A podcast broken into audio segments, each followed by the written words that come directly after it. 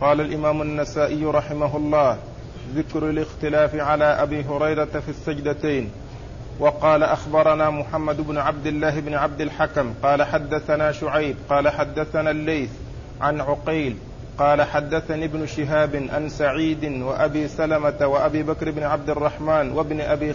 وابن أبي حثمة عن أبي هريرة رضي الله عنه أنه قال لم يسجد رسول الله صلى الله عليه وسلم يومئذ قبل السلام ولا بعده. بسم الله الرحمن الرحيم. الحمد لله رب العالمين. وصلى الله وسلم وبارك على عبده ورسوله نبينا محمد وعلى آله وأصحابه أجمعين. أما بعد يقول النسائي رحمه الله الاختلاف على أبي هريرة في السجدتين أي سجدتي السهو وذلك في حديث أبي هريرة فيما يتعلق بقصة آآ آآ التي فيها قول ذي اليدين له يا رسول الله أقصرت الصلاة أم نسيت؟ فإنه جاء طرق فيها أو في بعضها اختلاف عن أبي هريرة فيما يتعلق بالسجدتين. وأكثر الطرق على أنه سجد سجدتين منها ما نص فيه أنه بعد السلام ومنها ما أطلق. وقد جاء في بعض الروايات أو جاء في هذه الطريقة التي ذكرها المصنف أنه لم يسجد يومئذ قبل السلام ولا بعده.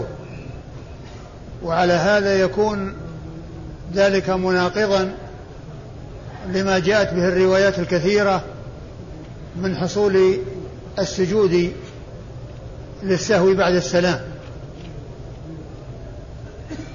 والإسناد إلى أبي هريرة في هذه الطريق إسناد صحيح. فتعتبر شاذة. يعني هذه الطريقة التي فيها نفي السجود قبل السلام أو بعده تعتبر شاذة أي فلا يعول عليها لأنها مخالفة للطرق الكثيرة المتعددة التي فيها التصريح بما يناقض ما جاء في هذه الطريق وهو حصول السجود وهو حصول سجود السهو بعد السلام. فقول فقول أبي هريرة هنا فيما جاء في هذا الطريق لم يسجد رسول الله صلى الله عليه وسلم يومئذ قبل السلام ولا بعده. هو نفي لسجود السهو في هذه الحال التي سلم فيها من نقص ثم استكمل النقص وأنه لم يحصل سجود. ما جاء في هذه الطريق معارض للطرق الكثيرة التي جاء فيها إثبات السجود فتعتبر شاذة. ومن المعلوم أن الحديث الصحيح هو ما روي بنقل عدل تام الضبط متصل السند غير معلل ولا شاذ فهو يكون الرجال ثقات ويكون السند متصلا لا انقطاع فيه لكن مع هذا يكون شاذا لأنه وجد فيه مخالفة الثقة لمن هو أوثق منه. فتكون رواية الم... رواية الثقات هي هي المحفوظة ويقابلها رواية الثقة المخالف للثقات فيقال لها الشاذة فيعلل الحديث بذلك. وتعتبر تلك الرواية التي هي شاذة لا عبرة لها لا قيمة لها ولا عبرة بها لأنها مخالفة لرواية الثقات الذين أثبتوا السجود في السهو بعد السلام. وأما إسناد الحديث فيقول النسائي أخبرنا محمد بن عبد الله بن محمد بن ابن عبد الله بن عبد الحكم. محمد بن عبد الله بن الحكم. ابن وهو المصري. وهو ثقة أخرج حديثه النسائي وحده. ثقة أخرج حديثه النسائي وحده. عن قال حدثنا شعيب. قال حدثنا شعيب وهو ابن الليث بن سعد المصري ثقة نبيل فقيه خرج حديثه خرج حديثه مسلم وأبو داود والنسائي. وأبو داود والنسائي خرج حديثه مسلم وأبو داود والنسائي. عن أبيه؟ نعم. عن أبيه الليث بن سعد. الفقيه المحدث الثقة الثبت فقيه مصر ومحدثها وحديثه أخرجه أصحاب الكتب الستة. عن عقيل. عن عقيل ابن خالد ابن عقيل الأيلي واسمه, واسمه بالتصغير بضم العين وفتح القاف واسم جده عقيل. بفتح القاف بفتح العين وكسر القاف. فاللفظ في اسمه واسم جده فالحروف في اسمه واسم جده متفقة ولكنها مختلفة بالشكل. هو عقيل وجده عقيل. هو عقيل وجده عقيل. وهو ثقة أخرج حديثه أصحاب الكتب الستة. قال حدثني ابن شهاب. قال حدثني ابن شهاب وهو محمد بن مسلم بن عبيد الله بن عبد الله بن شهاب بن عبد الله بن الحارث بن زهرة بن كلاب محدث فقيه وإمام مشهور مكثر من رواية حديث رسول الله عليه الصلاة والسلام وحديثه عند أصحاب الكتب الستة. عن, عن سعيد عن سعيد عن سعيد وهو ابن المسيب المدني المحدث الفقيه وهو من فقهاء المدينة السبعة المشهورين في عصر التابعين. وسعيد المسيب هو واحد منهم بلا خلاف في أنه أحد الفقهاء السبعة. وأبو سلمة؟ نعم. وأبو سلمة هو بن عبد الرحمن بن عوف. المدني وهو ثقة حديثه عند أصحاب الكتب الستة وهو أحد الفقهاء السبعة على أحد الأقوال في السابع منهم. على أحد الأقوال الثلاثة في السابع منهم لأن ستة متفق على عدهم في الفقهاء السبعة. والسابع فيه ثلاثة أقوال. وسعيد بن المسيب هو أحد الفقهاء السبعة باتفاق. وأبو سلمة هو أحد الفقهاء السبعة على أحد الأقوال الثلاثة في السابع منهم وكما ذكرت هو ثقة فقيه أخرج له أصحاب الكتب الستة. وأبي بكر بن عبد الرحمن. وأبو بكر بن عبد الرحمن بن الحارث بن هشام. وهو أيضا أحد الفقهاء السبعة على أحد الأقوال في السابع. لأن الأقوال في السابع ثلاثة قيل أبو سلمة بن عبد الرحمن بن عوف وقيل أبو بكر بن عبد الرحمن بن الحارث بن هشام وهو ثقة فقيه أخرج حديثه أصحاب أصحاب الكتب الستة الذي هو أبو بكر بن عبد الرحمن ابن الحارث بن هشام. عن وابن أبي حثمة. وابن أبي حثمة وهو أبو بكر بن سليمان بن أبي حثمة الذي مر في بعض الطرق الماضية وهو ثقة عابد أخرج حديثه مسلم والترمذي والنسائي وابن ماجه. عن أبي هريرة. عن أبي هريرة عبد الرحمن بن صخر صاحب رسول الله صلى الله عليه وسلم الدو هو وهو من دوس وهو من السبعة المكثرين من رواية حديث رسول الله عليه الصلاة والسلام بل هو أكثر السبعة حديثا على الإطلاق رضي الله تعالى عنه.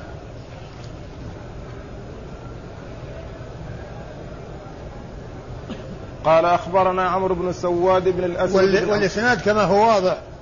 كلهم ثقات. آه، آه، محمد بن عبد الله. بن عبد الله. محمد بن عبد الله بن الحكم هو ثقة. أخرج حديثه النسائي.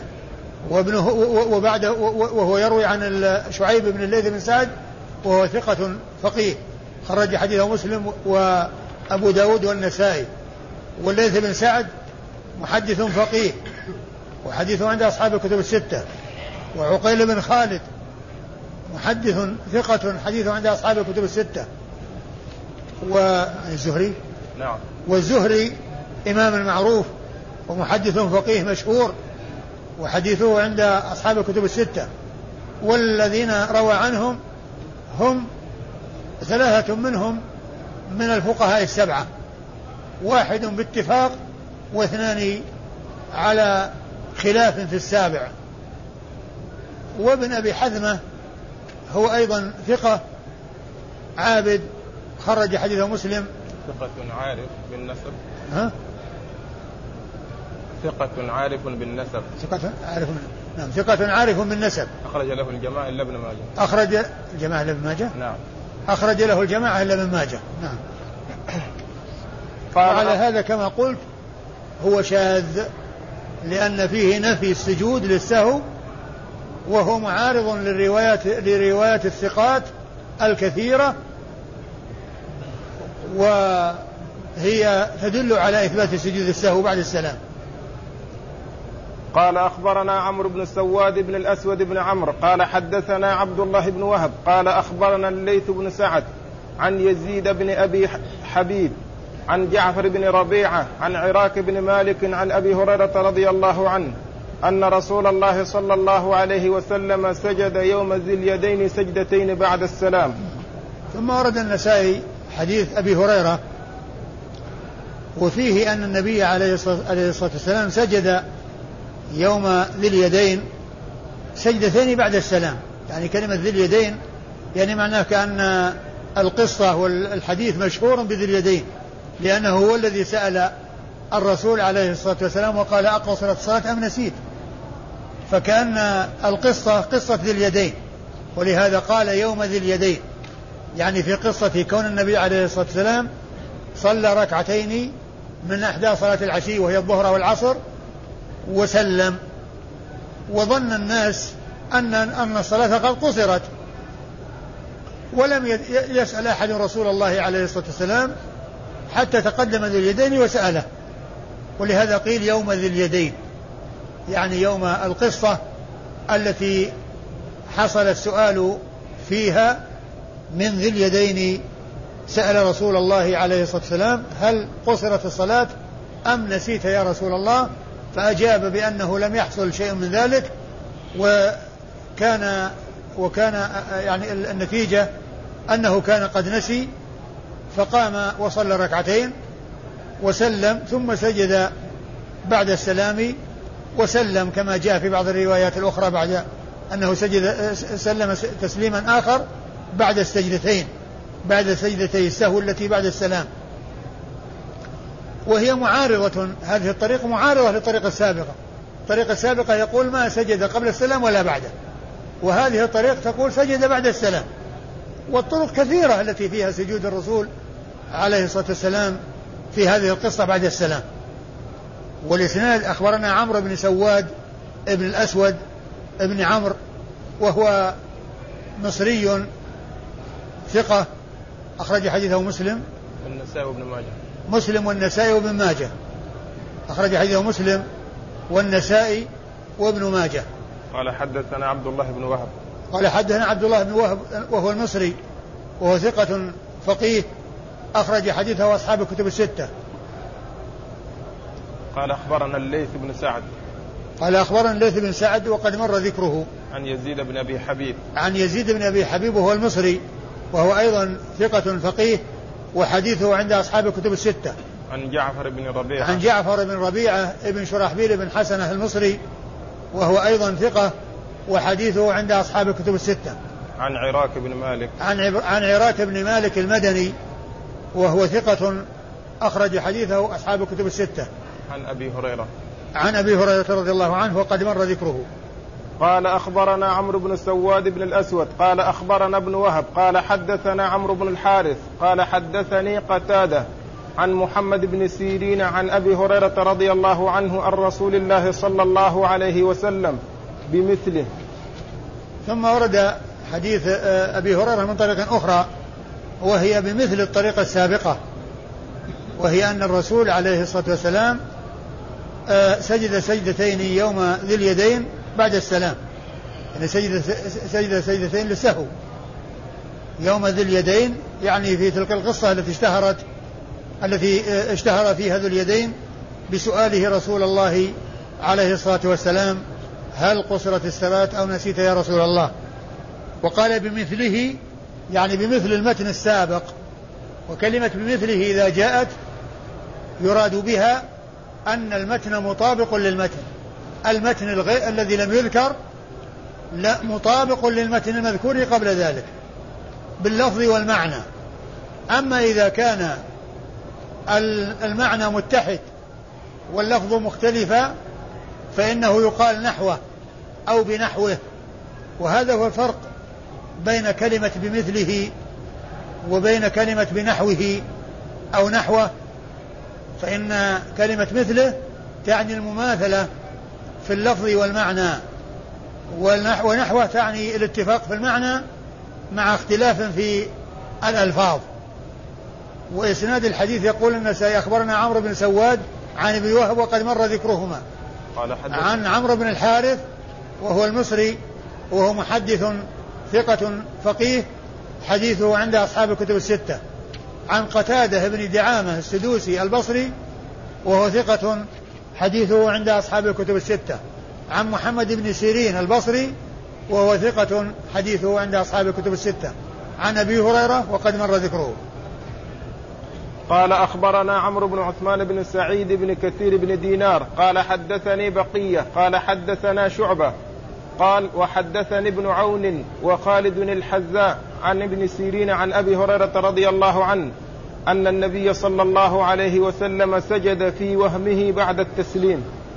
ثم ورد النسائي حديث أبي هريرة من طريق أخرى وفيه أن النبي عليه الصلاة والسلام سجد في وهمه يعني نسيانه سجد بعد التسليم يعني في قصة ذي اليدين. وأن سجوده بعد التسليم. وكان ذلك بسبب النسيان. وكان الصحابة رضي الله عنهم وأرضاهم يظنون أن الصلاة قد قصرت لأنهم في زمن التشريع. مع أن هناك فرق بين الأربع والثنتين. لكن ما قالوا شيئا لأن الزمن زمن التشريع. فكانوا يظنون أن الصلاة قصرت فكانت بدل أربعة اثنتين. حتى سأل ذو اليدين رسول الله عليه الصلاة والسلام فأخبره بأنه آه أنه قد حصل الذي هو النسيان حيث قال لما قال كل ذلك لم يكن قال بل كان بعض ذلك يا رسول الله. فسأل الرسول عليه الصلاة والسلام الصحابة فقالوا صدق ذو اليدين فقام وصلى الذي بقي من صلاته وسجد بعد التسليم. فهنا أتى بالحديث مختصر وقال إن النبي عليه الصلاة والسلام سجد في وهمه سجدتين بعد التسليم. يعني في نسيانه في صلاته حيث سلم من ركعتين والصلاة رباعية. فهو دال على ما دل عليه الحديث الذي قبله والأحاديث الأخرى من أن النبي عليه الصلاة والسلام سجد بعد التسليم. وإسناد الحديث يقول النسائي أخبرنا عمرو بن عثمان. أخبرنا عمرو عمرو بن عثمان بن ابن كثير بن دينار. نعم. عمرو بن عثمان بن كثير بن دينار الحمصي. عمرو بن عثمان بن سعيد بن كثير. عمرو بن عثمان بن بن سعيد بن كثير بن دينار الحمصي وهو صدوق أخرج حديثه أبو داود والنسائي. وابن ماجه نعم. أبو داود والنسائي وابن ماجه؟ نعم. أبو داود والنسائي وابن ماجه. أبو داود والنسائي وابن ماجه. عن بقية؟ بقية نعم. عن بقية وهو ابن وليد. بقية وهو ابن وليد وهو صدوق كثير التدليس عن الضعفاء وحديثه أخرجه البخاري تعليقا ومسلم وأصحاب السنة الأربعة. قال حدثنا شعبة. قال حدثنا شعبة هو ابن الحجاج الواسطي ثم البصري وهو ثقة ثبت وصف بأنه أمير المؤمنين في الحديث وهي من أعلى صيغ التعديل وأرفعها. وحديثه عند أصحاب الكتب الستة.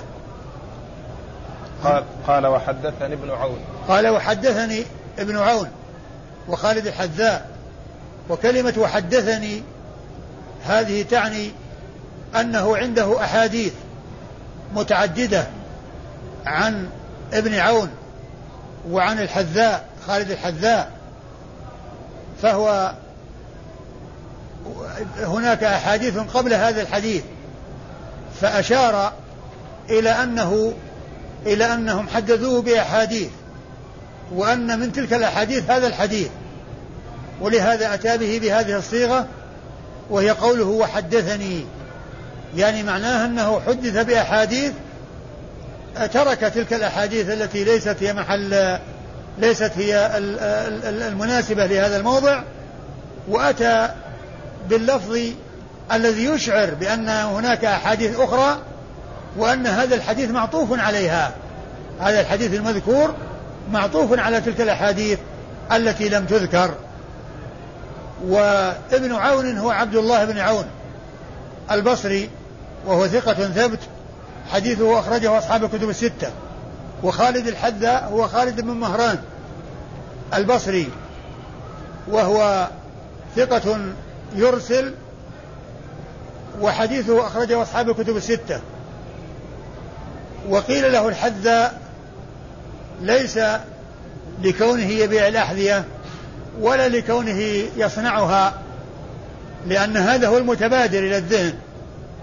إذا قيل الحذاء الذي يتبادر إلى الذهن أنه إما يصنع الأحذية أو أنه يبيع الأحذية. لكن ليس هذا ولا هذا.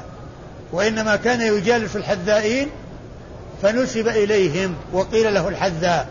وهذا الذي يقولون عنه الذي هو آه نسبة الذي هي نسبة إلى غير ما يسبق إلى الذهن.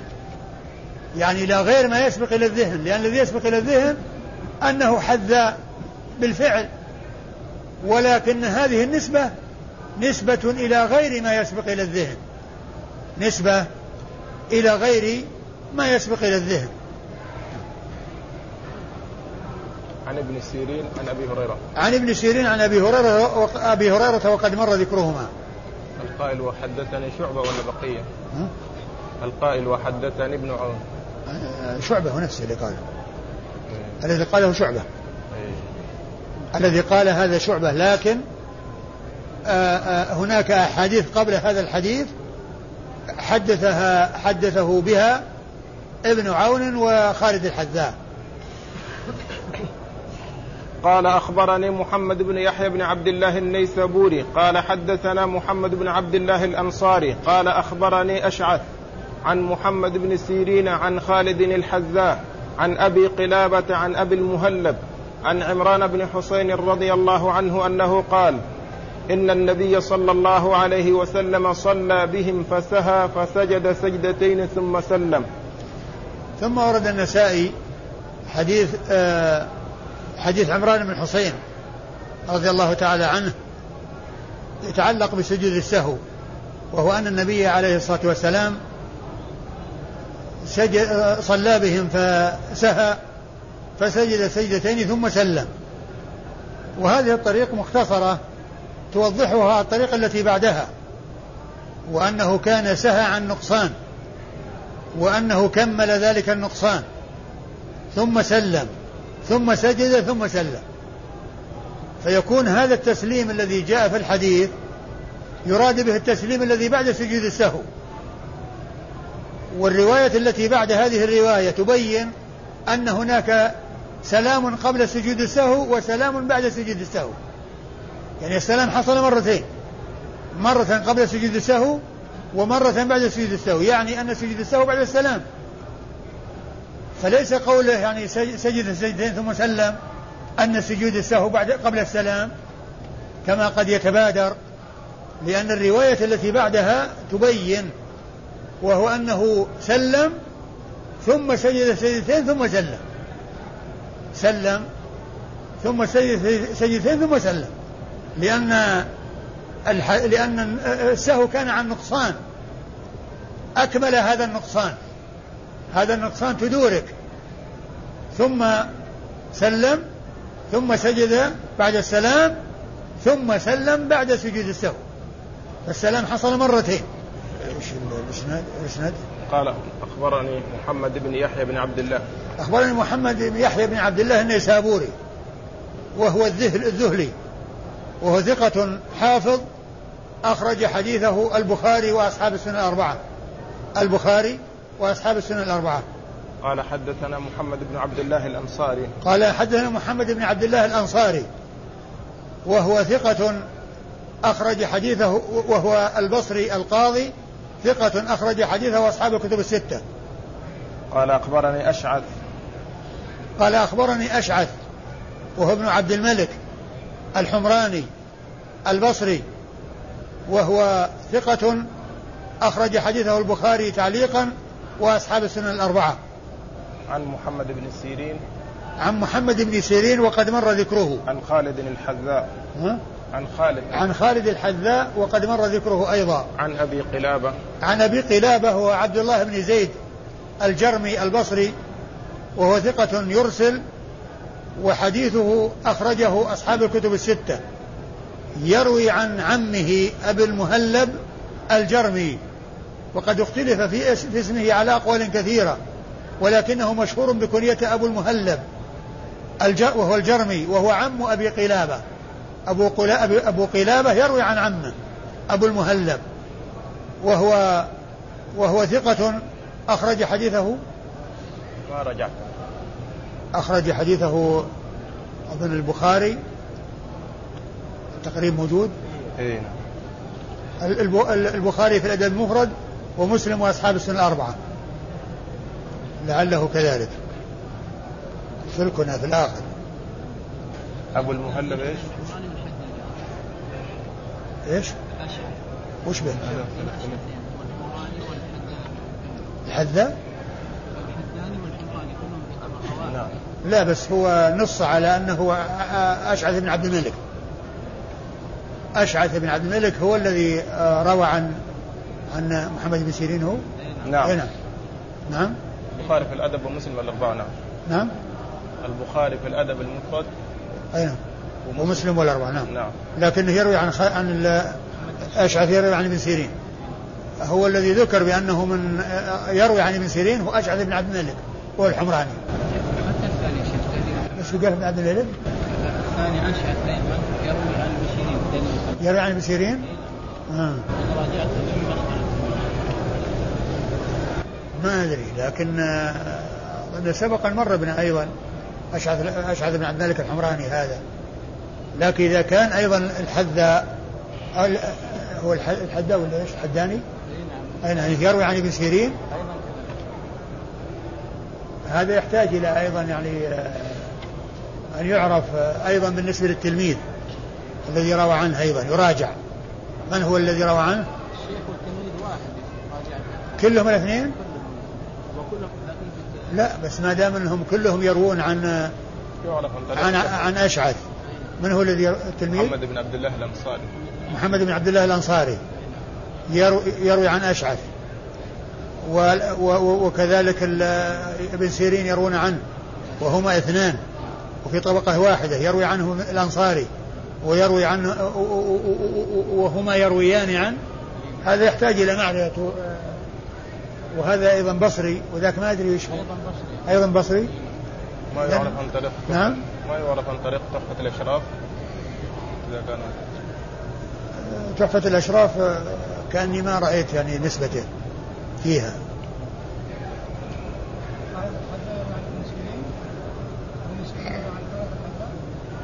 إيه يمكن. أقول يمكن. يعني بس الآن هنا اللي في الإسناد يعني هو يروي عن ابن سيرين. عكس يعني الآن في عكس. ها؟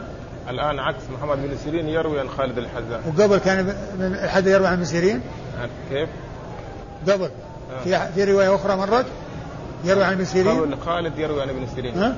القبل خالد يروي عن ابن سيرين. هنا عكس. اي يعني يمكن يعني هو كما هو معلوم يعني في الأقران يروي بعضهم عن بعض عن أبي قلابة عن أبي المهلب عن عمران أبو أبو المهلب الجرمي أخرج له مسلم البخاري في الأدب المفرد ومسلم نعم. وأصحاب السنة الاربعه عن عمران بن حسين صاحب رسول الله عليه الصلاة والسلام ورضي الله تعالى عنه وعن الصحابة أجمعين وحديثه عند أصحاب الكتب الستة. قال أخبرنا ها؟ ها؟ لا لا لا لا هذا أشعث بن عبد الملك. يعني ليس ليس أشعث بن أبي الشعث نعم. قال أخبرنا أبو الأشعث عن يزيد بن زريع قال حدثنا خالد الحذاء عن أبي قلابة عن أبي المهلب عن عمران بن حسين رضي الله عنه قال سلم رسول الله صلى الله عليه وسلم في ثلاث ركعات من العصر فدخل منزله فقام إليه رجل يقال له الخرباق فقال يعني نقصت الصلاة يا رسول الله. فخرج مغضبا يجر رداءه فقال أصدق؟ قالوا نعم.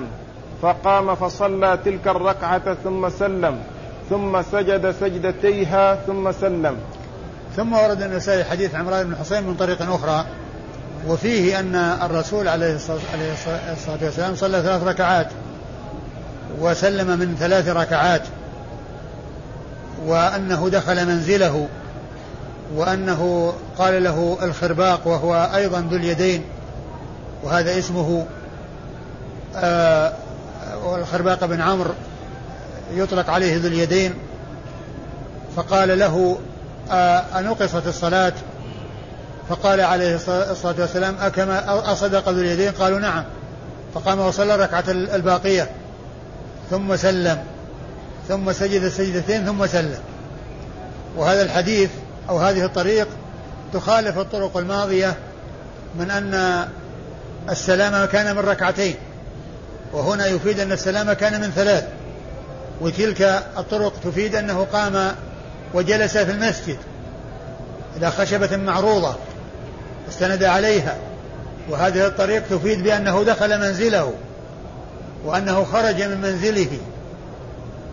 فمن العلماء من قال يحتمل تعدد القصة وأن القصة متعددة ومنهم من قال إنها متحدة ولكن حصل يعني في بعضها شيء من الخطأ يعني من حيث ذكر المنزل وذكر الثلاث والذي كثرت فيه الروايات وتعددت هو أنه كان من اثنتين.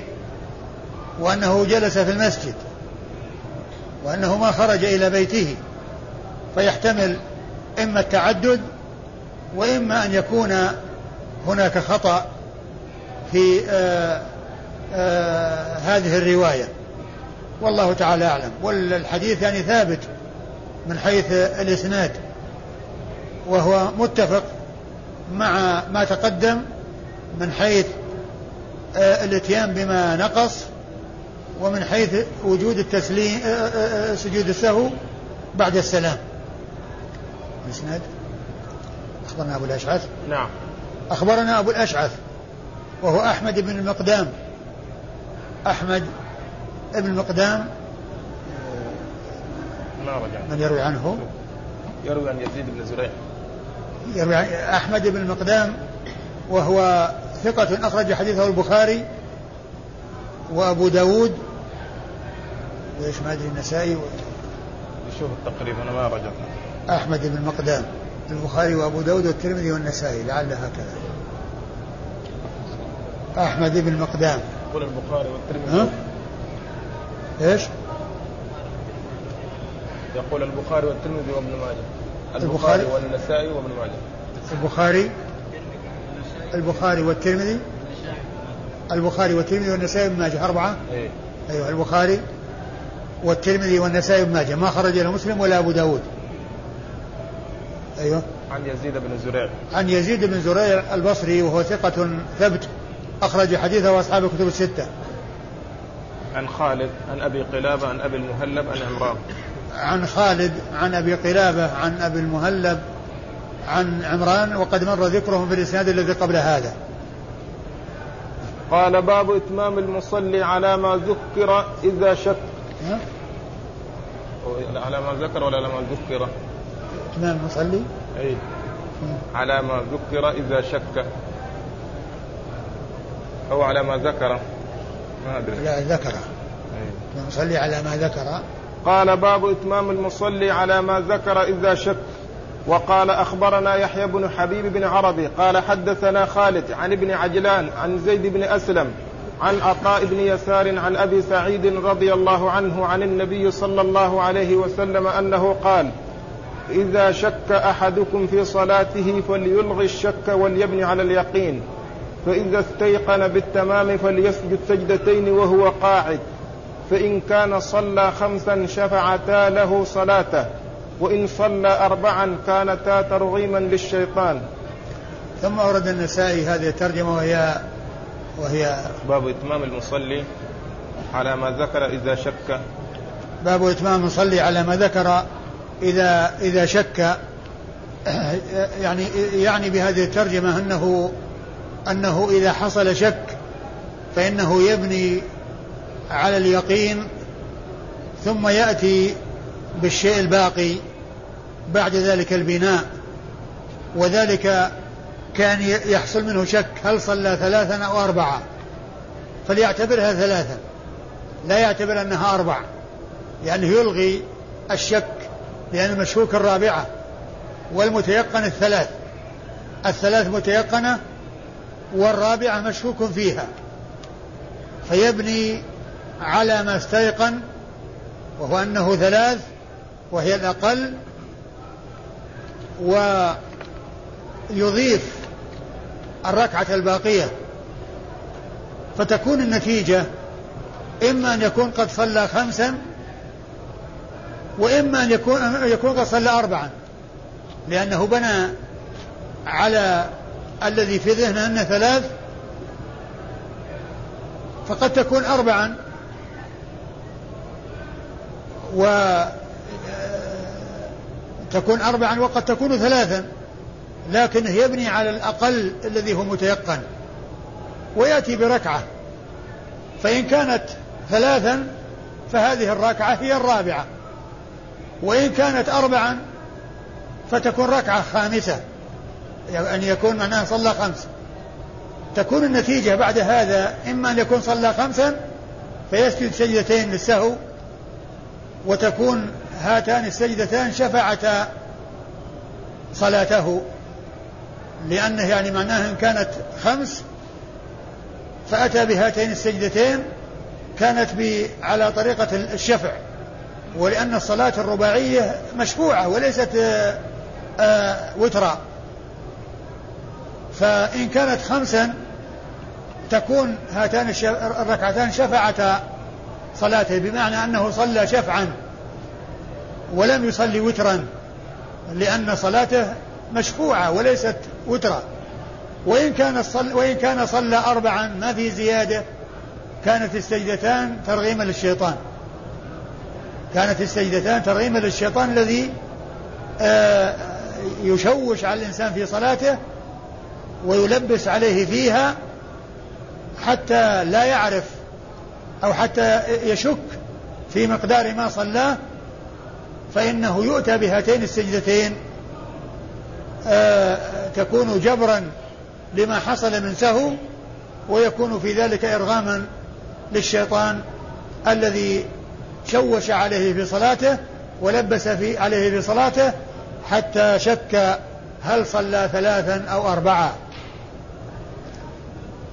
آه وهذا, وهذا فيما إذا لم يغلب على الظن ترجيح. أما وحيث بقي الشك فإنه يبني على اليقين. واليقين هو الأقل. واليقين هو الأقل. إذا كان شك بين ثلاث وأربع فثلاث مؤكدة ومتيقنة. والرابعة مشكوك فيها. لا يبني على الأكثر وإنما يبني على الأقل الذي هو المتيقن. وهكذا يعني فيما يتعلق بالأمور التي فيها عدد عندما يشك الإنسان يبني على اليقين الذي هو الأقل ثلاثا أو أربعا أو طاف ستا أو سبعا. يعتبر العدد الأقل ويأتي بالشيء الذي آه، بقي عليه. ويأتي بالشيء الذي بقى, بقي عليه. فيكون في الأعداد إذا حصل شك فيها هل هو كذا أو كذا يبني على الأقل سواء كان في الصلاة أو في الطواف أو غير ذلك من الأشياء التي تتعلق بالأعداد. الإسناد الإسناد قال أخبرنا يحيى بن حبيب بن عربي. أخبرنا يحيى بن حبيب بن عربي البصري وهو ثقة أخرج حديثه مسلم وأصحاب السنة الأربعة. قال حدثنا خالد. قال حدثنا خالد وهو بالحارث البصري وهو ثقة أخرج حديثه وأصحاب الكتب الستة. عن ابن عجلان. عن ابن عجلان وهو محمد بن عجلان المدني. وهو صدوق أخرج حديثه آه، البخاري تعليقا ومسلم وأصحاب السنة الأربعة. عن زيد بن أسلم. عن زيد بن أسلم المدني وهو ثقة أخرج حديثه وأصحاب الكتب الستة. عن عطاء بن يسار. عن عطاء بن يسار الهلالي مولى ميمونة وهو ثقة أخرج حديثه وأصحاب الكتب الستة. عن أبي سعيد. عن أبي سعيد الخدري وهو سعد سعيد أبي سعيد وهو أبو سعيد سعد بن مالك ابن سنان الخدري. صاحب رسول الله صلى الله عليه وسلم وأحد السبعة المعروفين بكثرة الحديث عن رسول الله عليه الصلاة والسلام من أصحابه الكرام رضي الله تعالى عنهم وأرضاهم. وهم الذين جمعهم السيوطي في الألفية بقوله والمكثرون في رواية الأثر أبو هريرة يليه بن عمر وأنس والبحر كالخدري وجابر وزوجة النبي. قال أخبرنا محمد بن رافع قال حدثنا حجين بن المثنى قال حدثنا عبد العزيز وهو ابن أبي سلمة عن زيد بن أسلم عن عطاء بن يسار عن أبي سعيد الخدري رضي الله عنه عن النبي صلى الله عليه وسلم أنه قال إذا لم يدر أحدكم صلى ثلاثا أم أربعا فليصلي ركعة ثم يسجد بعد ذلك سجدتين وهو جالس فإن كان صلى خمسا شفعتا له صلاته وإن صلى أربعا كانتا ترغيما للشيطان. ثم ورد النسائي حديث أبي سعيد من طريق أخرى وهي مثل الطريقة السابقة. وهي مثل الطريقة السابقة. وإسناد الحديث يقول النسائي أخبرنا محمد بن رافع وهو القشيري النيسابوري. آه، آه، شيخ لمسلم أكثر من الرواية عنه. وهو مثل وهو يوافق مسلما في كونه من قبيلته ومن بلده. فمسلم قشيري نيسابوري ومحمد بن رافع قشيري نيسابوري. وحديثه أخرجه أصحاب الكتب الستة إلا ابن ماجه. أخرجه أصحاب الكتب الستة إلا ابن ماجه. قال حدثنا حجين بن المثنى. حدثنا حجين بن المثنى. وهو وهو ثقة أخرج حديثه. الجماعة إلا ابن ماجه. أخرج حديثه الجماعة إلا ابن ماجه. مثل مثل تلميذه محمد بن رافع قال حدثنا عبد العزيز وهو قال حدثنا عبد العزيز وهو ابن أبي سلمة عبد العزيز بن أبي سلمة عبد العزيز بن عبد الله ابن أبي سلمة الماجشون وهو ثقة أخرج حديثه أصحاب الكتب الستة. عن زيد بن أسلم. عن زيد بن أسلم عن عن عطاء عن أبي سعيد. عن عطاء عن أبي سعيد وقد مر ذكرهم في الإسناد الذي قبل هذا. والله تعالى أعلم وصلى الله وسلم وبارك على عبده ورسوله نبينا محمد وعلى آله وأصحابه أجمعين.